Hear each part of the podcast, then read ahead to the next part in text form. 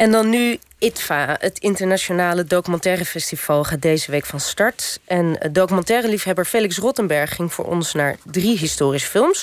Of althans, films die iets van geschiedenis in zich dragen. Ehm, en Felix is hier om u als luisteraar eh, te gidsen in die enorme hoeveelheid films. Welkom. Ja. Ja. Nou ja, gidsen, het is natuurlijk een gigantisch aanbod. Ik heb er drie uitgehaald en die hebben verband met elkaar. Nou, dat is toch heel erg overzichtelijk. Ja. Prettig. Uh, met welke film wil je beginnen? Uh, het verband overigens is dat het eigenlijk alle drie films zijn... die een soort archeologische manier van kijken van de filmmaker laten zien. Kun je dat uitleggen? Ja. De, de, eerste film is een uh, montage van alle archiefbeelden rond de begrafenis en de vierdaagse rouwperiode toen Stalin was uh, overleden, Jozef Stalin, op 5 maart 1953 om 10 minuten voor 10 in de ochtend. En af en toe is er even gekleurd beeld. En dan zie je dus de kist in rood gedrapeerd. En dan weer eindeloze zwart-wit beelden. Ik heb een pot thee erbij genomen, want ik bekijk dit thuis, want hij draait nog niet. En ik heb twee keer bekeken en toen snapte ik waarom die film zo goed was. Maar je denkt ook af en toe... het lijkt wel alsof Hitchcock daar aan het filmen was. Zwart-wit beelden. Al die vrouwen die huilen. Dat drama. Doodstille pleinen in dorpen. Vissershavens. Het werk is uh, stilgelegd. Bouwvakkers die ophouden. Doodse stilte. Luisteren naar de radio die over het plein klinkt... en in allerlei termen zeggen hoe goed hij was. De allemachtige leider. Die in de voetsporen van Marx, Engels en Lenin zijn werk heeft verricht. Nou ja, en zo gaat het maar door.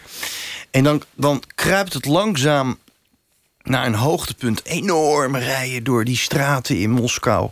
Die mensen gaan naar het huis van de raden, moeten daar de trappen op. Ze praten bijna niet met elkaar. Af en toe een ondeugend meisje dat in de camera kijkt. En daar ligt dan het gebalsemde lichaam van Stalin. Maar daar kunnen ze, mogen ze absoluut niet kijken. Ze worden er langs geleid. En dan op een gegeven moment, je ziet enorm veel mensen met kransen meters hoog in het portret van Stalin. Komen ze buiten. Alles is weer meegenomen. Paard en wagen, zes paarden, die trekken de kist. En dan komen ze bij het Rode Plein. En daar heel hoog is dan het podium.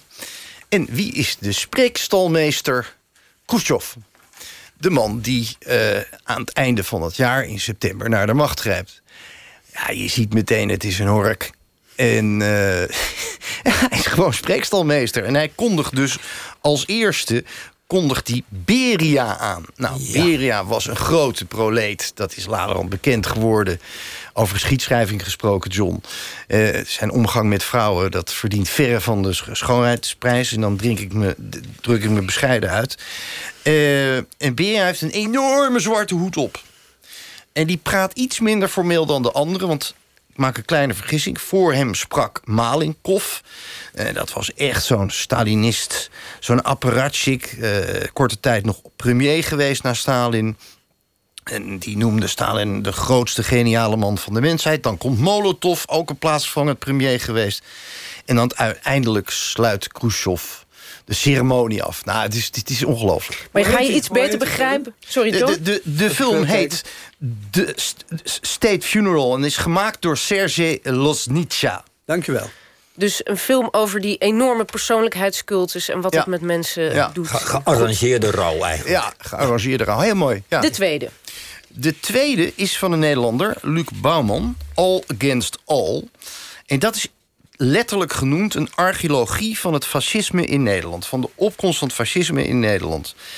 Ja, daar kan ik ook weer een kwartier over praten. Ga ik niet doen. Maar wat hij knap heeft gedaan, is dat hij eigenlijk stille bewonderaars van het Nederlands fascisme... die erdoor gefascineerd zijn geraakt, die er wel afstand van houden... laat hij het verhaal vertellen. En die komen met allemaal attributen. Bijvoorbeeld uh, de bezemspeld. En die bezemspeld stond voor het schoonvegen. Nou, en er was ook nog een meneer Jan Baars... die is in de jaren zeventig geïnterviewd. Jij kent het misschien ja, nog wel. dat was een beroemde fascist. Ja, ja, een een, een, nou, eenganger, een eenzaad eigenlijk. maar hij stond voor die 200.000 Nederlanders... die voor de NSB en andere organisaties hebben gewerkt... en er eigenlijk makkelijk vanaf zijn gekomen. Want hij werd gewoon na de oorlog politieman... en werkte voor de BVD. Maar die Jan Baars was een geweldige retoricus. Hij was een beetje dom, maar een geweldige retoricus. Dat kan soms. En die geeft dan als voorbeeld, zei hij... ik beëindigde mijn speech altijd met... en daarom fascisme! Maar hij moest een keer samenspreken met Sneevliet... De socialist, de, ja, de, socialist, de rare communist zou je kunnen zeggen. En Sneevliet, die beëindigt ook en zegt... en daarom... Oh, en daarom socialisme. en, uh, maar wat ook heel geestig is, dat is een verhaal... dat moet ik echt even vertellen, het is heel kort. Er lopen allemaal mensen rond. Er is een enorme stamkaart van organisaties. Honderden, die allemaal ruzies met elkaar maken. En daar was een hele rijke man, een miljonair... Alfred Hayton, dat was de financier van het Nederlands fascisme. En die man die is drie keer getrouwd geweest met een vrouw met één been. Dus drie keer zocht hij een nieuwe liefde. Die, een vrouw Alle die drie hadden ze één been. Ja. Opvallend. Ja, ze hadden een linkerbeen. Ja, nou ja, zo, zo heb je hem allemaal van dat... Maar het, het is echt heel knap in elkaar gezet. En... Uh, ja, het, het laat heel erg zien onder welke omstandigheden fascisme gedijt. Werkloosheid, de economie die instort. En hoe dan het agressieve populisme opkomt... en wat voor persoonlijkheden zich daarvoor lenen. En ik vind dat dat eh, heel mooi geboekstaafd is. En misschien ook een film die actueel is. Zeker. het niet gehoord worden van een volksdeel. Het niet gehoord worden. He, bijvoorbeeld een enorm verzet tegen vrouwenkiesrecht. Straks, zei de Jan Baars, komt er nog hondenkiesrecht? Jezus, ja.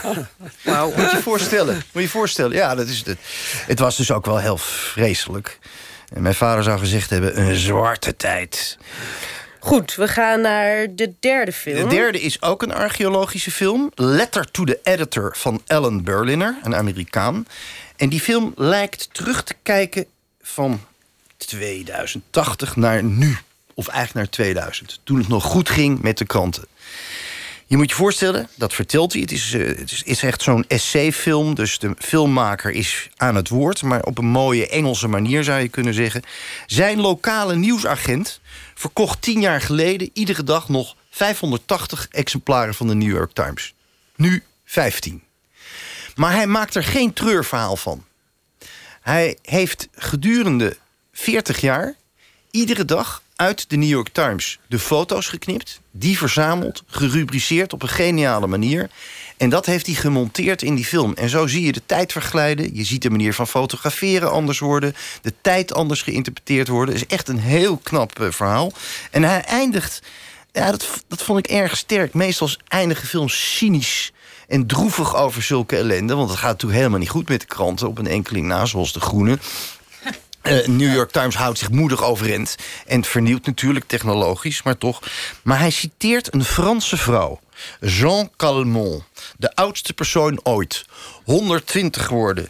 En die zegt: Ach, als je er niets aan kan doen, dan moet je er ook geen zorgen over maken. En dan verschijnt er een filmbeeld van een meisje met het bord hoop.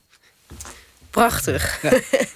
dat is dus Letter to the Editor van Ellen Berliner. En het is een, ja, het is een ode aan de krant eigenlijk. Ode aan de krant, ja. Hartelijk dank Felix Rottenberg. Uh, kijk op ITVA uh, voor alle data en tijden. En ga vooral naar deze films.